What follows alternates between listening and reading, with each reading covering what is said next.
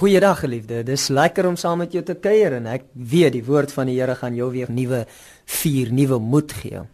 Die evangelie is goeie nuus. En die evangelie behoort vrede in jou hart te bring. As dit nie vrede bring nie, dan het jy nie die evangelie gehoor nie. Want die evangelie gaan net vrede in jou hart bring. Die evangelie praat van iets wat klaar afgehandel is. Laat ek dit so stel. Ek en jy was in skuld.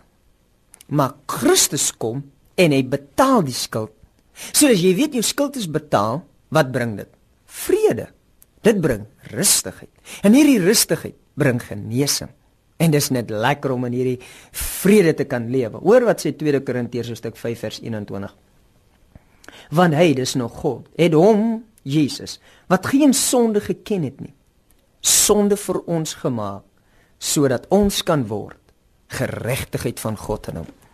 Hoorie, jy word geregtigheid van God in Jesus nie omdat jy reg gedoen het nie, nie omdat jy reg geleef het nie, nie omdat jy reg gepraat het nie, maar omdat Jesus Christus wat reg voor God was, verkeerd geword het. Hy is heilig en hy word sonde met jou sonde. Hy word ongeregtigheid met jou ongeregtigheid. Hy word duisternis met jou duisternis. Hy word verlate omdat jy verlate moes gewees het. En hy word dit alles sodat jy kan word geregtigheid van God. Nou wat beteken dit om geregtigheid van God in Christus te wees? Dit beteken eenvoudig. Jy staan voor God en jy is alles wat God wil hê jy moet wees. Dis geen gebrek.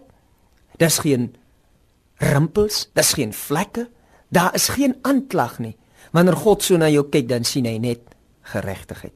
Wanneer God na jou kyk, dan sien hy heiligheid. Wanneer God na jou kyk, dan sê hy tevrede. Ek is tevrede met jou. Ek het 'n behaag in jou op grond van dit wat Jesus Christus gedoen het. Jesus het die volmaakte prys betaal en nou is ek God se geregtigheid. Kan ek vir jou iets sê? God is so tevrede met my net soos wat hy tevrede is met hom. God is in sy hart is daar geen ongevoeligheid. Daar's geen kwade gevoelig gevoelens in die hart van God teenoor homself of teenoor enige iemand nie. In die hart van die Vader is daar vrede. En wanneer hy na my kyk, wanneer hy na jou kyk in Christus, dan sê my seun, ek is tevrede met jou. Ek wil hê jy moet die lewe geniet. Ek wil hê jy moet oorwinning leef want die prys is betaal vrede